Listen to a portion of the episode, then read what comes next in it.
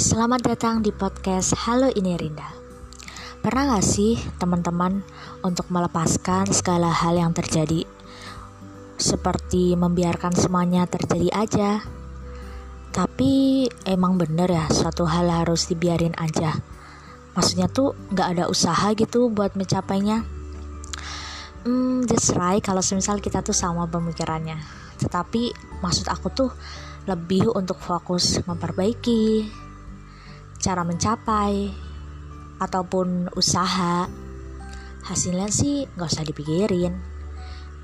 Tapi bentar-bentar white tapi gimana tuh maksudnya? Maksud aku kita serain aja semua hal kepada yang di atas.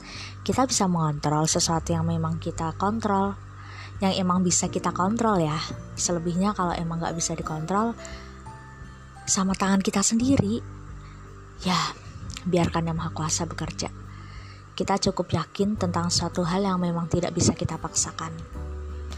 Tapi kita juga harus usahain semua hal yang emang kita bisa usahain. Hmm, jadi gimana nih teman-teman?